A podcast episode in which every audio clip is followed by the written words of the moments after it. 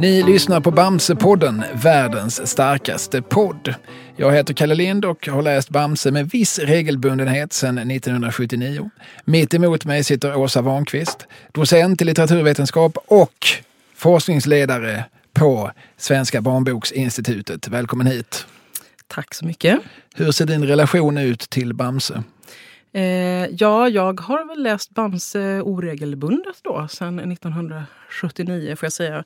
Ja, ja, vi är årsbarn. Ja, vi är årsbarn och jag kollade faktiskt igår i min bokhylla när jag letade efter Bamse i vilda västern som jag vet att jag fick när jag var liten. Och den har jag med mig här i studion. Eh, och där står det faktiskt att jag fick den när jag fyllde fyra år. Så då vet vi ju exakt att jag har haft en relation med Bamse sedan minst eh, 1979, för jag är född 75. Just det, och det är alltså även jag. Så att vi har läst, eh, vi börjar läsa Bamse ungefär samtidigt. Och eh, eh jag har då först läst själv, sen läst för mina småbröder och sen var det ett litet glapp och sen så läste jag för mina barn. Eh, du, hur ser det ut för din del? Eh, ja, jag läste Bamse när jag var liten, bland annat. Läste massa olika serier. Eh, och sen har jag väl läst Bamse när jag liksom har kommit över det i, i livet. Eh, lite mer inför den här podden då. För bekantat mig lite mer med 2000-talets Bamse som jag hade lite dålig koll på. Det var mycket trevligt. Men jag såg ju detta att du är forsknings chef, forskningsledare? Är på... både chef och forskningsledare faktiskt. Det är väldigt det... viktigt. Ja, det låter oerhört viktigt när ja, du säger det. Viktigt. Men har du läst Bamse så att säga professionellt i tjänsten? Eh, ja, vi, vi, har, på, på Barnboksinstitutet så har vi någonting som eh, vi kallar för Bokprovningen varje år, där vi provar böcker. Eh, eh, där vi går igenom hela årets föregående utgivning och så gör vi ett slags eh, litteraturhistoria i miniatyr för, för det året över barnboksutgivningen och gör statistik på det och så vidare.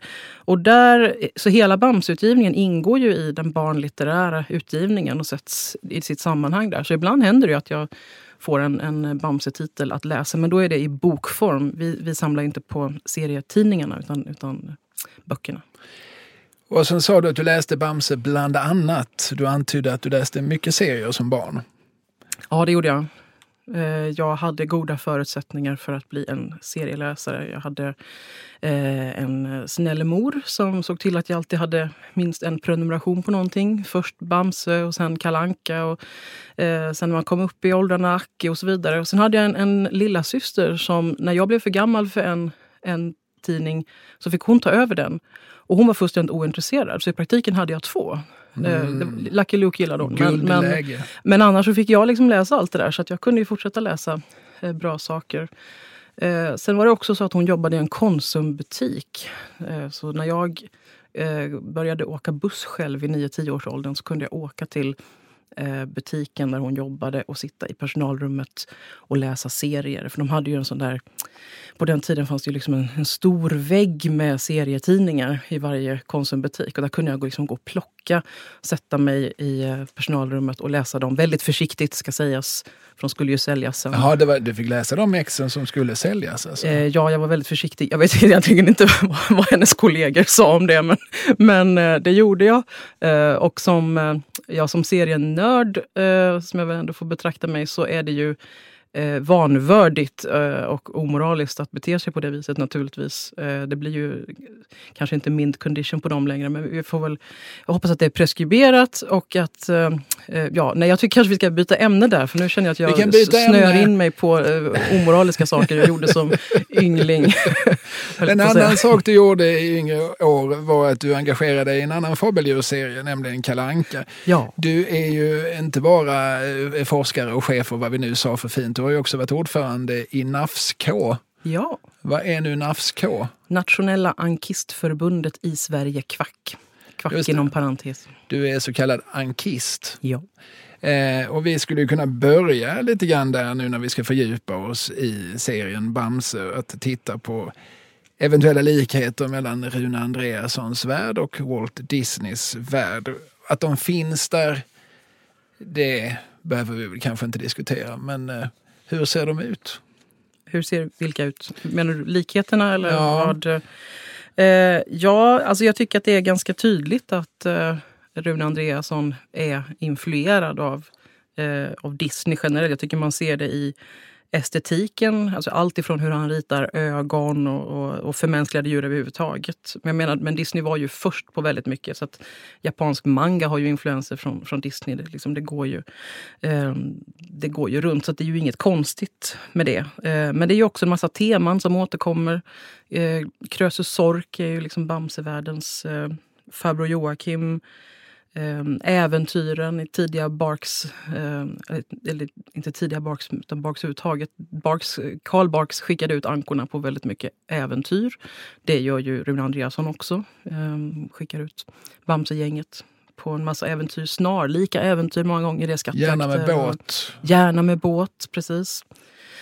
Så att, ja, jag tycker det finns eh, rätt mycket likheter där faktiskt. Det, och jag menar, båda sensmoralerna är, är, Eh, är ändå... Det, det, finns skillnader men ändå ganska likt. Jag menar, du har eh, sensmoralen att man inte ska stjäla. Så Björnligan och Magica de Hex och så vidare, de går sällan segrande ur de här kamperna. Och det gör ju ganska sällan Vargen och Reinhard Räv och så vidare heller. Så att sensmoralen är ju ganska lika även om Bamse och Kalle kanske är ganska olika som, som huvudpersoner.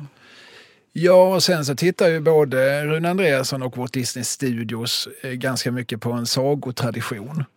Eh, alltså Disney gör ju långfilmer av Snövit och Pinocchio etc. etc. Och Rune tittar ju väldigt mycket på Aesopos fabler. Eh, på 70-talet så, så kunde ju i tidningen, i mittuppslaget, kunde det finnas en, en, en en fabel i textform med bara ett par illustrationer gjorda av Rune. Där på något vis ganska tydligt visade att här har jag hämtat en del av min inspiration. Jag har gått tillbaka till källorna, tillbaka till de gamla grekerna.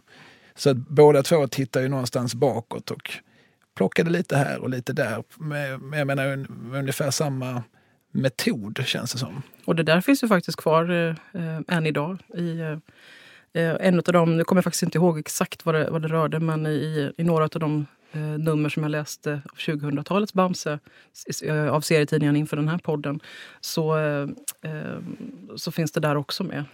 Ja, men så likheterna är väl uppenbara, att, att det finns eh, beröringspunkter. Det är ju liksom två fabeldjursvärldar. Och eh, att, eh, att det var Rune som tittar på Walt snarare än tvärtom, ja det säger kanske sig självt. Men kan du se några tydliga skillnader? Ja, alltså det finns ju ganska mycket att ta fasta på där. Men, men något som kanske är... Eh, alltså det mest uppenbara är väl egentligen skillnaden i personligheter för Bamse och eh, Kalle Anka. Han, alltså Kalle är ju liksom närmast kolerisk. Eh, och han är övermodig. Ett, ett, tag så kom det många serier där han testade olika eh, yrken. Och han är alltid, det går alltid åt fanders för honom för att han är övermodig och, och över, eh, överskattar sin egen förmåga och så vidare. Eh, det där finns ju inte hos Bamse. Han är väldigt lugn, han är, han är jämn, eh, oftast i humöret, han är stabil.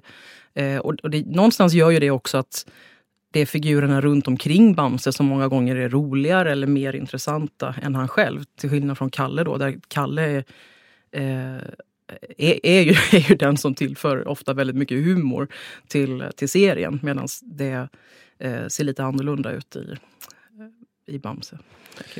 Alltså Bamse-figuren påminner egentligen mer om eh, den tidigare Superman. Ja. Alltså superkrafter och Eh, moralisk och eh, allt annat än en komisk figur. Äh, hjälteserier överhuvudtaget tror jag han har hämtat mycket ifrån. Det var ju lanserat i Sverige sedan länge på den tiden. Och jag kan ju också säga, som just i karaktären Bamse så kan man ju se, tycker jag, vissa likheter med hur Tintin förhåller sig till, till sitt persongalleri. Tintin är ju också liksom tämligen opersonlig. Sen har ju inte Bamse superkrafter, men han har ju också liksom Bamses vilja att göra gott.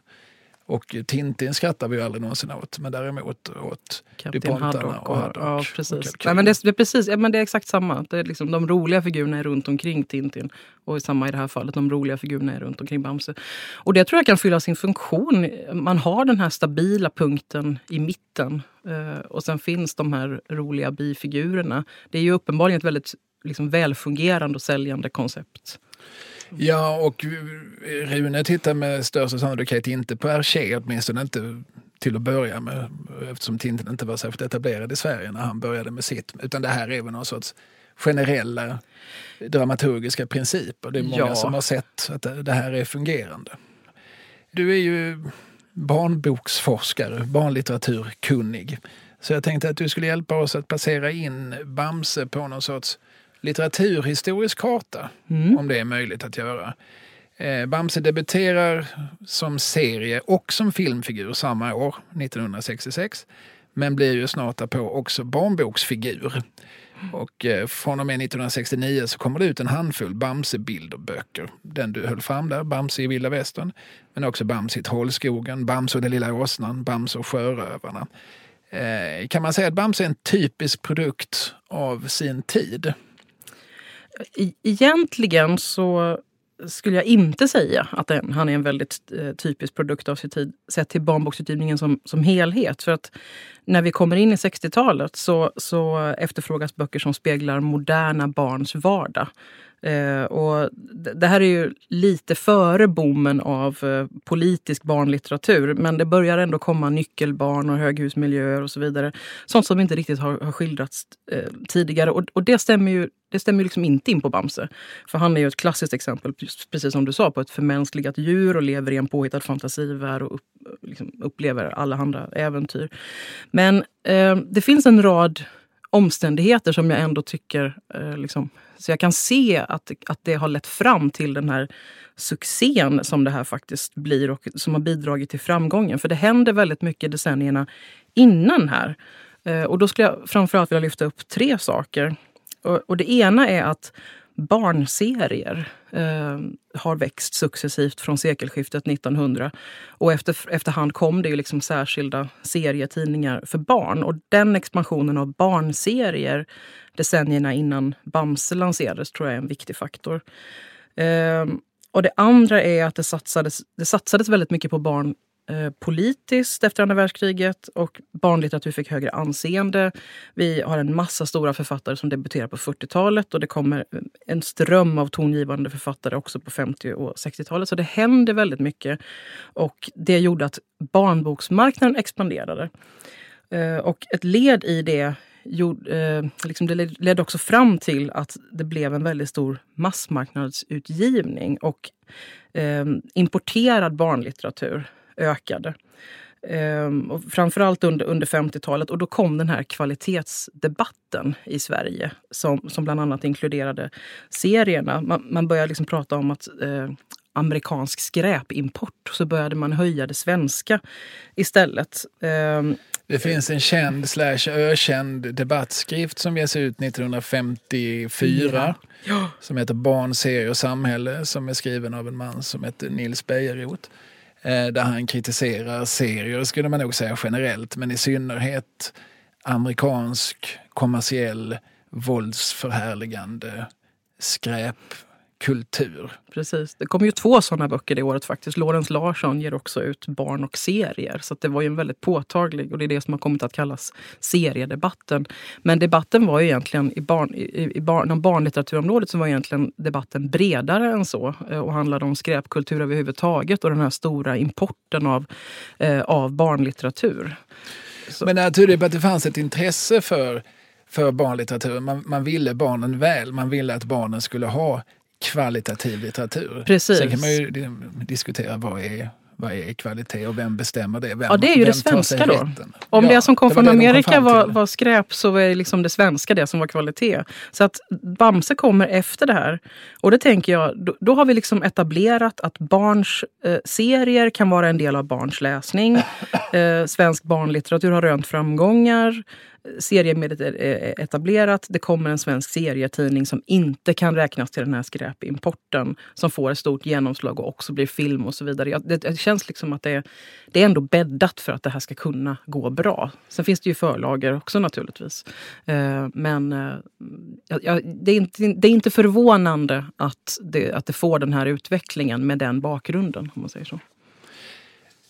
Så när Bamse då smyger sig på eh, svenska barn från 60-talets slut så, så finns det... det är liksom, på något vis är det bäddat. Eh, jag tycker det. Jag tycker man kan se det. Sen är det alltid det är lätt att se saker i efterhand och tolka in saker. Men, men eh, ja, jag kan se att det här leder fram till det. Mm. För ibland säger man så lite svepande om den tiden och vi var inne på det att att vid ungefär den här tiden, det finns ju en stark debatt om barnkultur och barnlitteratur och att åtminstone från vuxenhåll så efterfrågades just realism. Mm.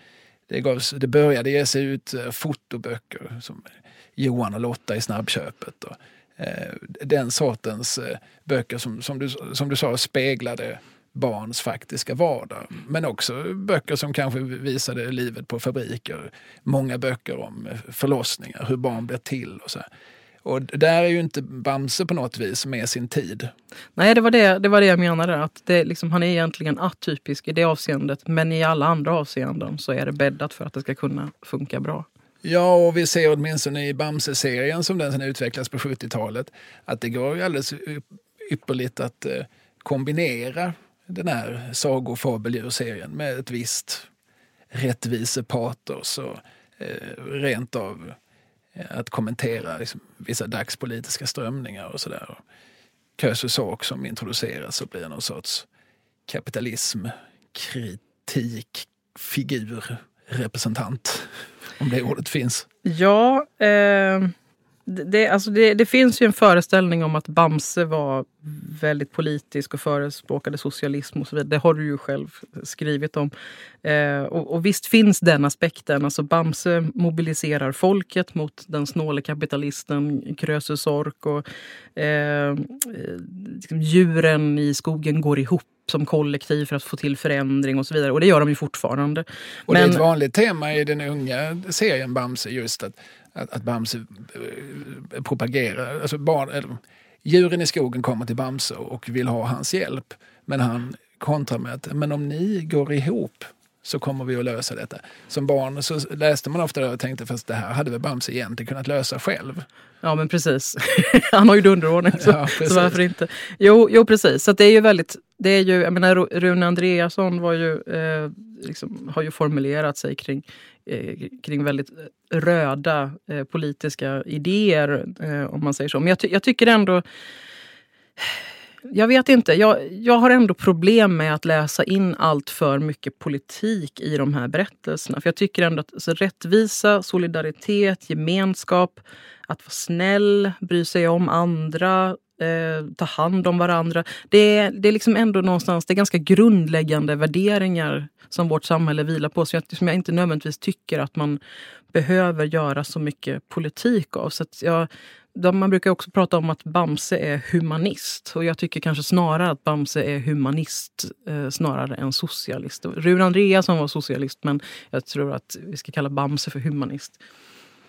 Ja, alltså genom åren har han ju från diverse håll försökt annekteras, alltså figuren Bamse. Det finns ju en, en klassisk berättelse från 90-talet när vi hade en moderat eh, statsminister som hette Carl Bildt och som eh, jag tror var på statsbesök hos Bill Clinton i USA och då gav honom en slips med Bamse-motiv.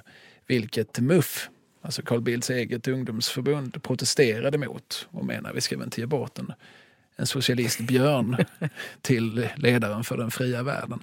Men eh, och så kan man ju få lov att se det. Eh, men jag håller med dig att man förminskar och krymper både Bamse och kanske sig själv om man, om man ska stämpla honom som bara det ena. Ja, jag tycker det.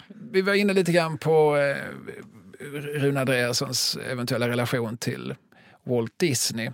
Eh, kan du se spår av andra författare i Rune Andreassons Bamse-serie? Eller andra litterära världar? Ja, det finns ju ganska mycket. Ehm, jag tänker, alltså, så det, det är svårt att peka ut förlagor och, influenser. Ehm, när, det är alltid svårt, i synnerhet om författaren själv inte har yttrat sig om det. Men eh, det finns ju andra liksom, starka gestalter som är etablerade vid det här, den här tidpunkten, som Pippi Långstrump och, och så vidare. Där, eh, som var så stor vid den här tiden så det, han kan ju omöjligt ha missat eh, eh att det fanns en, en väldigt stark flicka. Eh, eh, det, det är jag, jag tror att, att Rune var högst medveten om Pippi Långstrumps existens. Jag tror att Rune Andreasson debuterade 1944. Och det är väl samma år Astrid Lindgren debuterar ja, med, med Britt-Marie Lättar ja. sitt hjärta. Precis. Och Pippi kommer sen 45. Ja. Eh, så att, ja, och, och, och där finns ju liksom uppenbara kopplingar, inte bara i superstyrkan utan också i eh, det här citatet med att den som är väldigt stark måste också vara väldigt snäll. Ja, det, det formuleras ju lite annorlunda i Bamse, mer i linje av att det, det, är bättre att vara snäll än att vara stark och så vidare. Men det finns ju onekligen ett, ett släktskap där. Och sen har vi ju så, äh, släktskapet med amerikanska superhjälteserier som sagt som eh, hade lanserats i Sverige och jag, jag, tror att Bamse är lika mycket en produkt av dem. Vi har pratat Kalanka eh, som har etablerats. Eh, men sen är det ju också så att eh, eh det finns en väldigt stark ska vi kalla det för pojkbokstradition i, eh, i Bamse som jag kan tänka mig kommer till eh, kommer sig av eh, Rune Andreassons egen barndomsläsning helt enkelt. Det är tematik från klassiska pojkböcker. Eh, han växte upp och lärde sig läsa på 30-talet. Han är född eh, 25. Och då var det äventyrsberättelser av olika slag som dominerade pojkboksutgivningen. Så det kom ju indianböcker i stora mängder till exempel, så kallade. Eh, vildmarksskildringar, sjöäventyr, flygböcker, science fiction. Och allt det här finns ju i Bamse-äventyren. Det, äventyren. Det, det är samma typ av äventyr i de tidiga böckerna. Bamse åker till månen, han ger sig ut på skattjakt, han bråkar med sjörövare. Eh, han åker till Afrika, ska lämna tillbaka ett lejon. Eh, och han är då i, i eh, vilda västern till exempel. Som i, I den här vilda västern-boken så den knyter väldigt starkt an till indianboken och, och till det eh, det koloniala arvet, eller vad vi ska kalla det för. Men eh, även om urinvånarna är, är, mycket mer positivt skildrade här i, än vad det var i, i många indianböcker så är det fortfarande så att Bamse ska komma dit och lösa problemet. Det är liksom en, en eh, kolonial syn som sipprar igenom där urinvånarna eh, det står att de är, de är liksom hundra stycken mot några få busar Eh, men de kan inte lösa det här själva utan det behöver komma någon från en, eh, ett underförstått mer civiliserat land och, och rädda dem. Eh, rädda dem från Billy Buse i det här fallet. Då. Och så blir Bamse hedershövding och han utnämns till alla indianers överhövding Dunderbjörnen. Så att den, den, här har ju ett väldigt ja, en väldigt, väldigt stark koppling till den, den klassiska koloniala eh, indianboken egentligen. Jag tycker det är intressant. Vi har flera gånger i den här podden svängt oss med begreppet pojkboksäventyr. Eh, och nu fick vi ett antal exempel på hur sådana äventyr kan se ut. Men, men det här det känns som ett etablerat begrepp, pojkboksäventyr. Är det ett begrepp som man använder inom litteraturvetenskapen? Vilket? Pojkbok? Pojkbok. Ja. Och då, för jag menar, det skulle kunna vara vilka böcker som helst men vi har ändå alla, åtminstone i ett par generationer, har vi en ganska tydlig bild av vad som åsyftas. Och det är just det som Jules Verne och eh, Den sista mohikanen och Skattkammarön av Robert Louis Stevenson. Och, det, det är liksom en handfull böcker. Det här är de klassiska pojkböckerna. Ja, nej, alltså det är väldigt, väldigt, väldigt många böcker. Uh, men vi ska säga det också att pojkbok och flickbok är ju ett historiskt begrepp. Uh, ett, ett, uh, liksom, man, man går mer och mer ifrån de begreppen efter andra världskriget. men barnlitteraturen blev under sena 1800-talet diversifierad. In, innan det så var det i princip inte meningen att flickor och unga kvinnor skulle läsa överhuvudtaget. Utan litteratur för barn var ju lika med litteratur för pojkar. Eh, men när kvinnor sen och flickor börjar, eh, börjar läsa i högre utsträckning så finns det ju då, de ska ju socialiseras in i helt olika roller.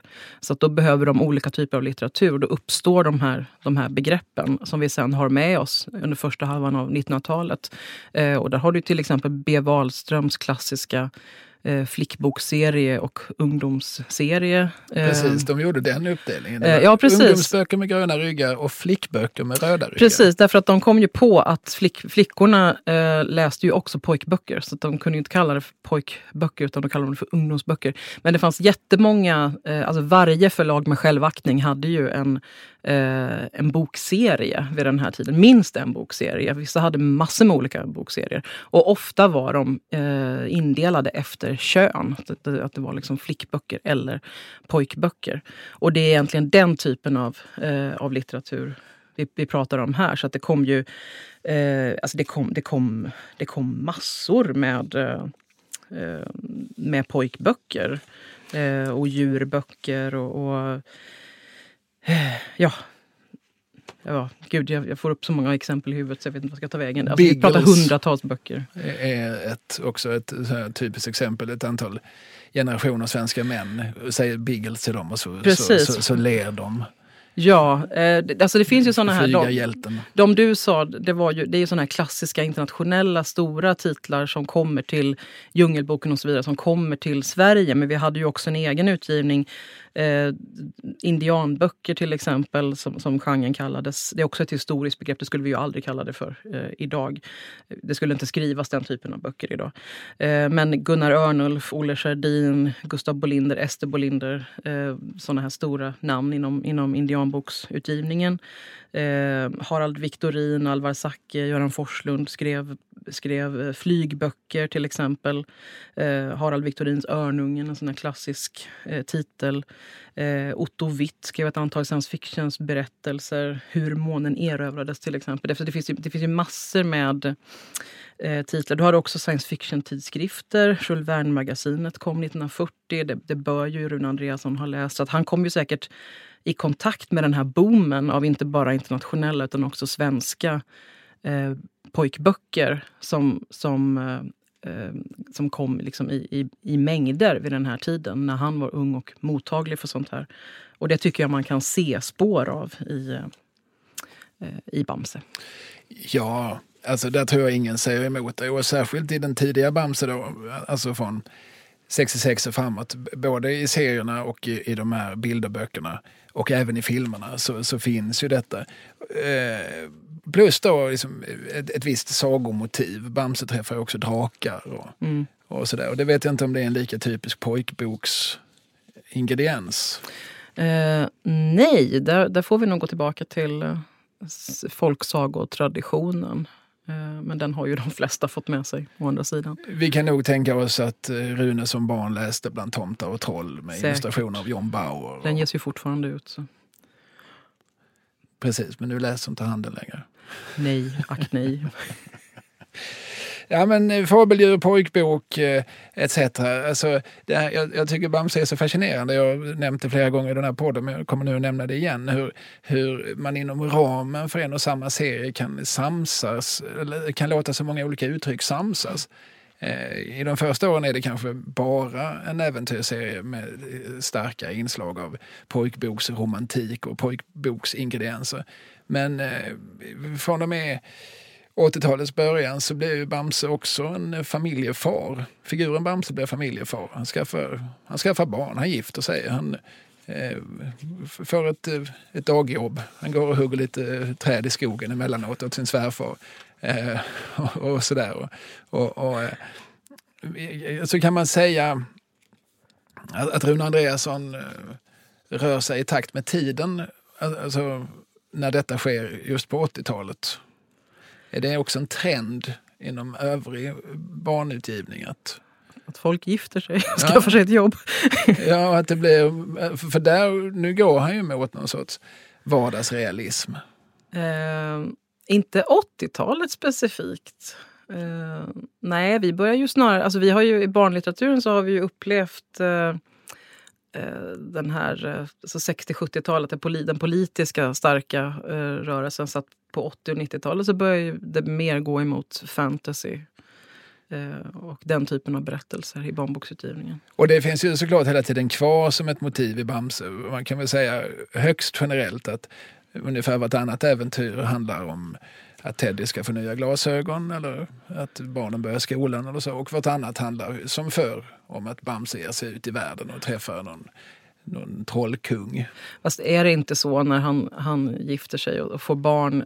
Det handlar väl också delvis om att vi behöver få in lite nya figurer, lite ny problematik i den här serien. Eh, det blir ju så efter ett tag. Man måste hitta på...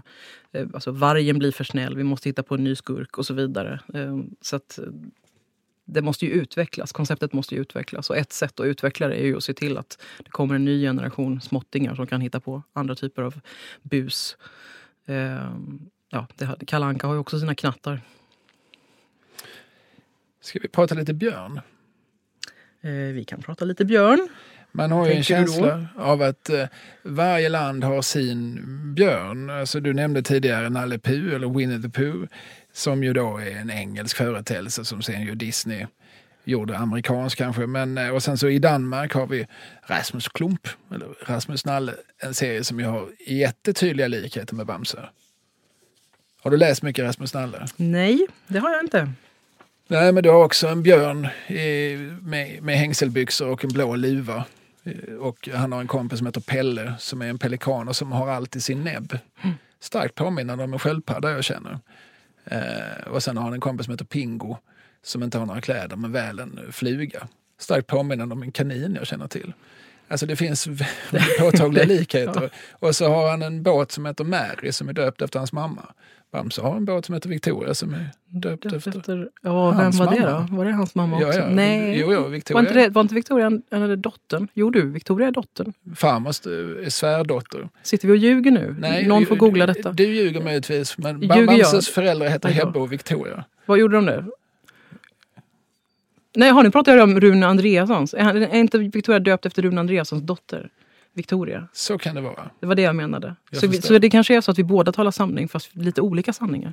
Precis, att vi talar förbi varandra. Ja, så kan det vara. Så kan det vara. Hur som helst. Eh, sen så finns det ju för övrigt i dansk barnkulturtradition en annan björn som heter Bamse som är alltså deras motsvarighet till Björne, alltså en barnprogramsfigur. Du är inte uppvuxen i Skåne? Nej. Vi som var det, vi hade ju dansk tv. Och vi läste ibland i tv-tablån att det ska vara Bamse på tv-kväll. Så slog man på dansk tv och så visade det sig att Bamse i Danmark det var Helt en, en jättekonstig gubbe i björndräkt som gick runt och pratade danska och hade en kompis som hette Kylling. Eh, som alltså var kyckling. Eh, högst surrealistisk upplevelse. Men, men du, eh, min fråga här lite grann. Alltså vad är det här med björnar? Var, var, varför, varför just björnar? Varför är de så stora? Vad har du för teorier? Ja, alltså... Eh, du menar varför de är så stora i barnlitterära björnar? Ja, alltså det finns ju väldigt många djur. Alltså, och visst, det finns, vi kan ju väldigt lätt hitta exempel på andra djur. Ankor har vi pratat om. Kalle, Kajsa, Knatte, Fnatte, Chatte med flera. Det finns möss, en heter Musse. Eh, andra heter Bernhard och Bianca. Alltså det är klart att det finns andra, men, men, men visst är björnen påfallande vanlig? Ja, och det tror jag, det har väl... Eh, jag tror vi har kanske Nalle Puh att, att tacka för att det finns så pass mycket 1900-talsbjörnar Eh, för han slår ju igenom eh, något otroligt. Sen fanns det ju björnar redan, redan innan det. Ja, precis. Alltså nallebjörnen, alltså det vi kallar teddybjörn som väl döps då efter eh, den amerikanska presidenten Theodore Roosevelt. Precis. Eh, och, och, och, när är Nalle Puh ifrån? Det är en 20-talsföreteelse. 1922. Ja, kommer A.A. Milnes första bok. Sen skriver han också Nalle Puhs hörna. Och han skrev fyra totalt tror jag med modern världen. Nu, nu eh, ska jag inte sitta och ljuga här men jag, jag tror det är två versböcker och två eh, kapitelböcker. kapitelböcker. Eh, men nu sitter jag eventuellt och ljuger. Jag Nej, men jag känner igen det här. Helt, helt koll på det. Men däremot får vi ju ehm, Eh, det, det, det, finns ju väldigt mycket björnar i svensk eh, barnboksutgivning. Och något som jag upptäckte inför det här samtalet var ju hur många av dem som faktiskt heter Bamse. Eh, och det är, ju, det är ju inte så konstigt för Bamse har ju ofta använts som en synonym till björn. Det är ett gammalt nordiskt ord eh, som troligen betyder att någonting är stort, klumpigt och tjockt. Så man kan ju förstå varför det används som synonym till, eh, till björn. Och det finns massor med barnlitterära björnar som heter just Bamse i, tidigt. Eh, så jag, jag, tog med mig några titlar här. Eh, Bamse, en liten björnunges äventyr i, bilder och ord. En bilderbok av Louis Moe från 1921. Eh, B. Wahlström hade en bokserie som hette bokserie, eh, Djurböcker för ungdom. Och där kom det 1955 en titel som hette Bamse, Alaskabjörnen, berättelse för ungdom om världens största björn av Harold McCracken. Erna och Gösta Knutsson översatte Bamse i farten av Charles Spain Verrell som gavs ut i Fibs Gyllene böcker 1961. Samma år kom Inga Borgs bilderbok Bamse eh, Brunbjörn. Så det, fanns, det, var, det är bara några exempel. Det fanns jättemånga eh, titlar. Och det som är riktigt intressant här det är att det blir färre och färre barnbokstitlar med namnet Bamse eh, i takt med att den här serietidningen börjar, börjar, eh, börjar ges ut. Till slut blir det Så. en björn som är ja, men, The Bamse. Precis. Han blir känd och han överskuggar alla andra Bamse. På, på 80-90-talet så slutar alla andra författare i princip att använda det namnet för det blir så starkt förknippat med Rune Andreassons Bamse. Det var ett par intressanta namn du nämnde där. Alltså dels Inga Borg som väl gjorde figuren Plupp Ja. Eh, som, eh, som är ett litet troll som lever uppe i, i de norrländska skogarna och ja, träffar fjällen. en massa realistiska djur. Men du nämnde också Gösta Knutsson, mm. mest känd för Pelle Svanslös. Men hans näst mest etablerade figur var ju också en björn, mm. Nalle Lufs. Ja. Eh, så att björnen är alldeles uppenbart en tacksam figur. och vad, om vi spekulerar lite vilt, alltså varför, varför, varför björnar? Alltså, Nalle Puh sa du, och Teddybjörnen. Eh, att det, det, kommer att förknippas med någonting som är tryggt och mysigt. Det, alltså, det är ju inte riktigt så björnar är i verkligheten. Nej, egentligen är ju björnar inte alls på det viset. Så att, eh, jag vet egentligen inte var det kommer ifrån ursprungligen. Men man kan tänka sig att i Sverige kan ju Elsa Beskow ha spelat viss roll eh, med, med, sin björnberättelse. Eh, nej, vad säger jag? Inte Elsa Beskow. Jag menar naturligtvis eh, Alice Tegnér. Och Mors lilla Olle. Mors lilla Olle, som är som, illustrerad av Elsa Beskow. Eh, som ju så att säga gör björnen till en kompis. Eh, björnens aggressivitet på något vis eh, bortses ifrån i, i den här typen av berättelser. Vilket ju är eh, lite intressant. Ja, om man tittar på de här olika björnfigurerna vi har, hur mycket björn är egentligen kvar i dem? Alltså, förutom att Bamse ser ut som en björn, det gör han inte riktigt heller, för de flesta björnar går ju inte på två ben och har mycket sällan blåa snickarbyxor. Eh, men hur mycket av björnmaneren finns kvar i figuren egentligen? Eh, ja, nej, alltså han eh, i princip ingenting. När han får i sig lite dunderhonung så blir han ju stark som en björn. Eh, det blir han ju. Men eh, han är ju otroligt eh, snäll. Det finns ju väldigt lite kvar av, av det björnaktiga i, i, i, de flesta av de här björnarna som skildras. Och att han äter honung, och då ska vi ju veta att dunderhonung har ju väldigt lite med, med den här liksom biprodukten att göra eftersom den görs på blad och kokas på spisen. Men honung är ju fortfarande, där finns också liksom en, just en, en björnrest kvar. Även Nalle Puh äter gärna honung. I liknande burkar. Precis, mm, de här som ser ut som Höganäskhus ja, nästan precis. med skruvlock på. Eh, som vi aldrig får veta tror jag hur de, eller var de tillverkas någonstans. För att jag tänker att den burkfabriken eh, gör sig stora pengar i, i, i Bamsevärlden. Säkert, för han, tappar, han har ju en tendens att tappa bort de där burkarna lite eh, här så tvärs. Så att det behövs ju ganska många.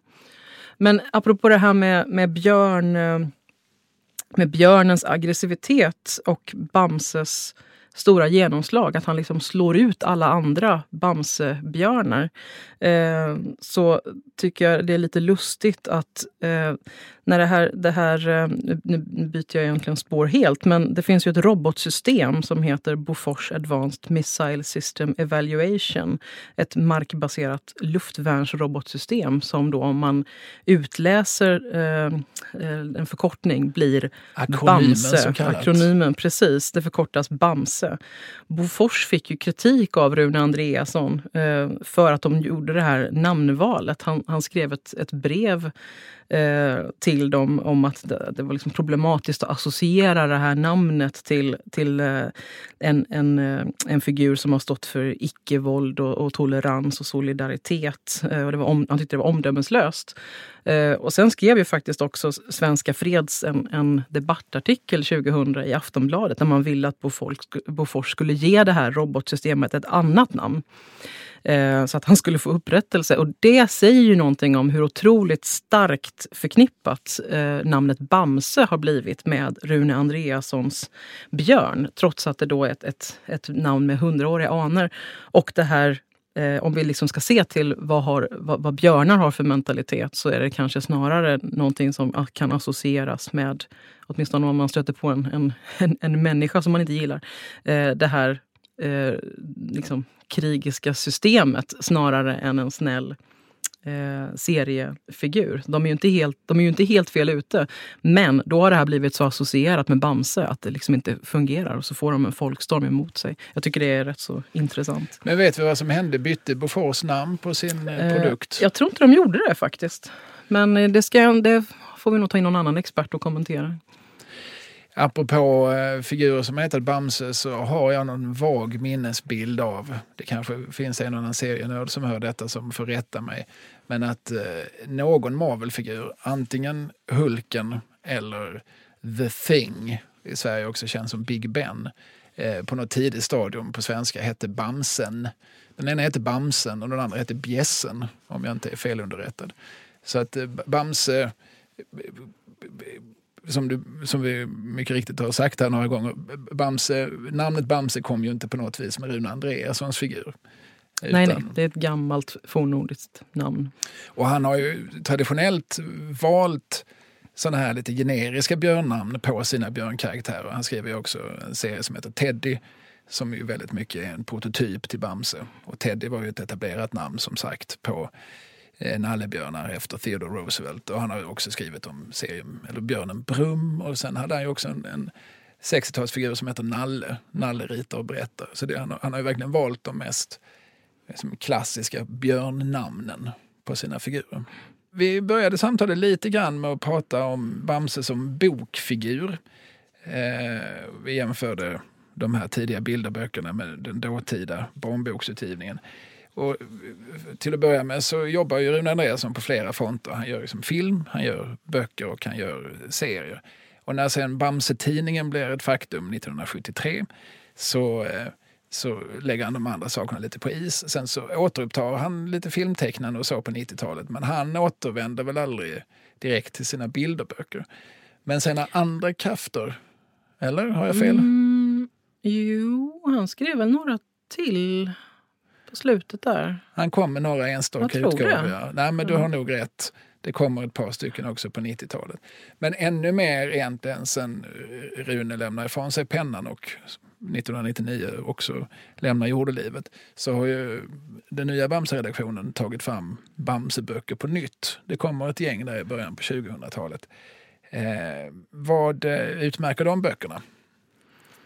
Eh, ja, alltså det, det, finns ju som du säger, det finns en utveckling här. Vi har då de tidiga böckerna som inte innehåller serierutor utan eh, illustrerad text eh, och är, är, väldigt dialogbaserade.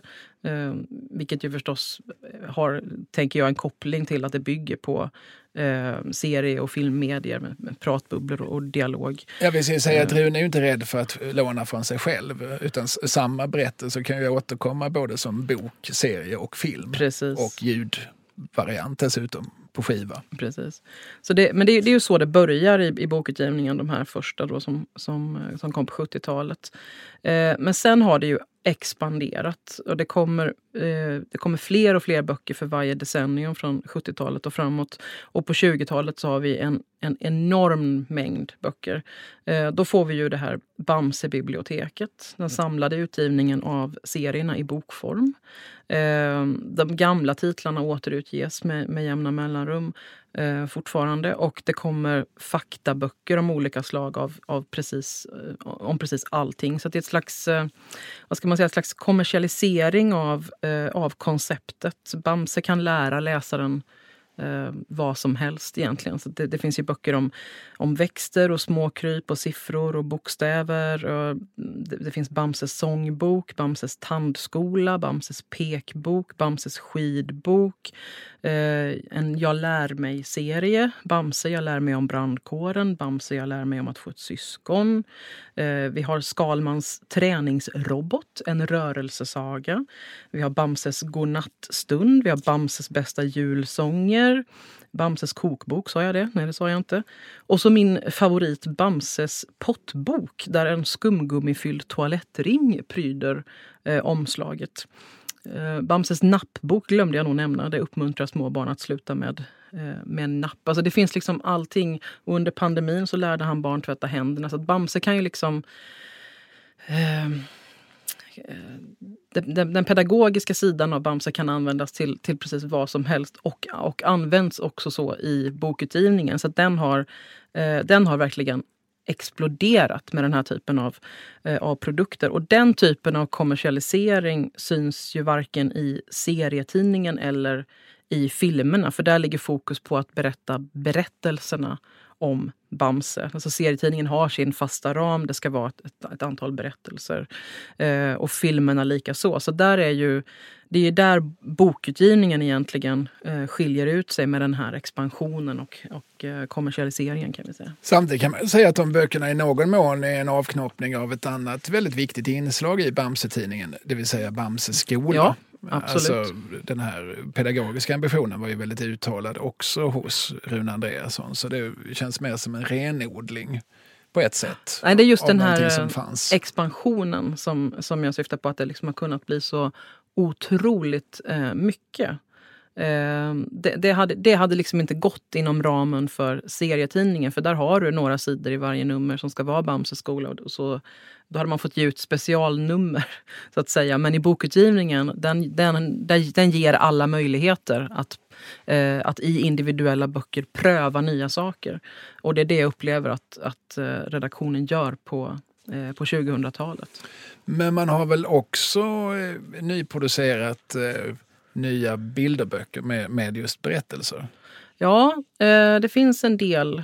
Ehm, och en del hur... tror jag gjorts direkt för, för audioformatet som, som ljudböcker. Eh, så att eh, nu för tiden kan man ju säga att, att Bamse anfaller på alla flanker samtidigt på något sätt. Och, och apropå ljudböcker kan vi också nämna eh, den här eh, apropå Bamse i vilda västern som vi pratade om, det koloniala arvet, att i, eh, i den ljudboksversion som ligger på Youtube, där har man ändrat i, eh, i texten. Bilderna finns inte med där. Eh, men man har ändrat i texten så att nästan allting som kan uppfattas som problematiskt i den här boken i, idag eh, eh finns inte kvar där. Utan det är liksom en lite annan typ av, eh, av historia. I, I 2019 års bokutgivning är den dock eh, kom, den kom senast 2019 i bokform och där är, där, den ser fortfarande ut som, som den gör eh, här. Men, men i ljudboken är det alltså borttaget. Mm. Precis, och vill man prompt läsa originalutgåvorna så finns de tillgängliga på diverse bibliotek. Fast vad sa du, alltså, jaha, den senaste Nej, tryckta versionen jag, är oförändrad? Ja, för jag, jag, tänkte faktiskt, när jag, när jag upptäckte det på Youtube så tänkte jag, hm, jag måste gå och kolla om de har ändrat även i eh, i, i den senaste bilderboken som, som uh, gavs ut och också då hur, vad de har gjort med illustrationerna. Men den är oförändrad 2019, så, så, det står fortfarande indian och så vidare i 2019 års utgåva. Men alltså inte i, på Youtube.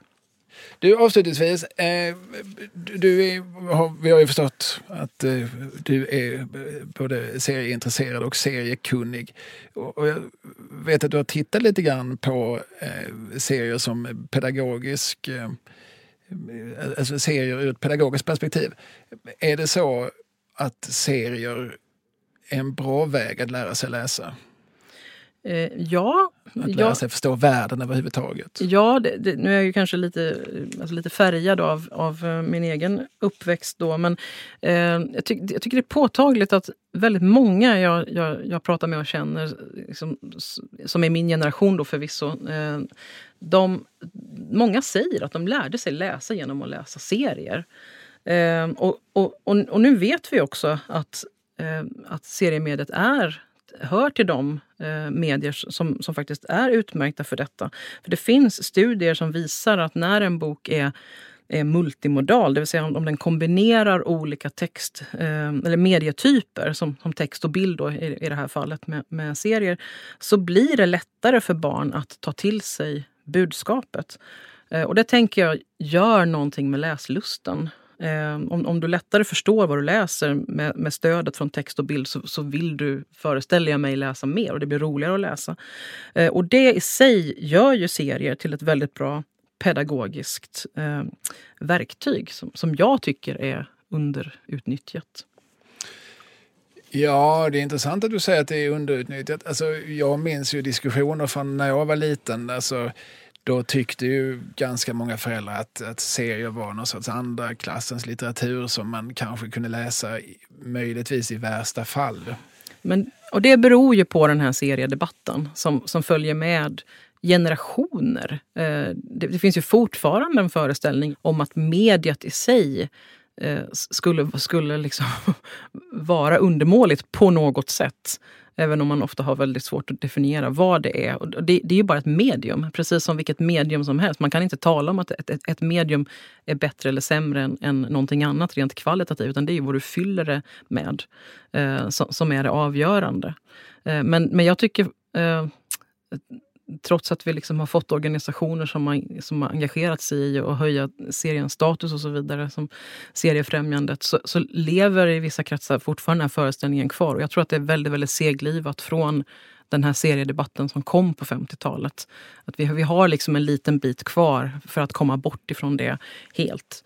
Eh, men nu, jag menar det är inte många veckor sedan det var eh, serietecknare med på Babel. Eh, så att det, det börjar ju vissa typer av serier börjar nu ta sig förbi det här hindret och har gjort de senaste decennierna. Ja, alltså vuxenserier har väl fått en status som eh, ingen kunde drömma om på 70 och 80-talen. Alltså Mats Jonsson som, eh, som är vuxenserietecknare, han har ju August nominerats mm. för skönlittär, inom den skönlitterära kvaliteten, mm. inom den skönlitterära kategorin etc. Ja, och tre, eh, redan innan det så hade ju tre böcker nominerats inom barn och ungdomskategorin. Eh, även om de inte har uppmärksammats lika mycket.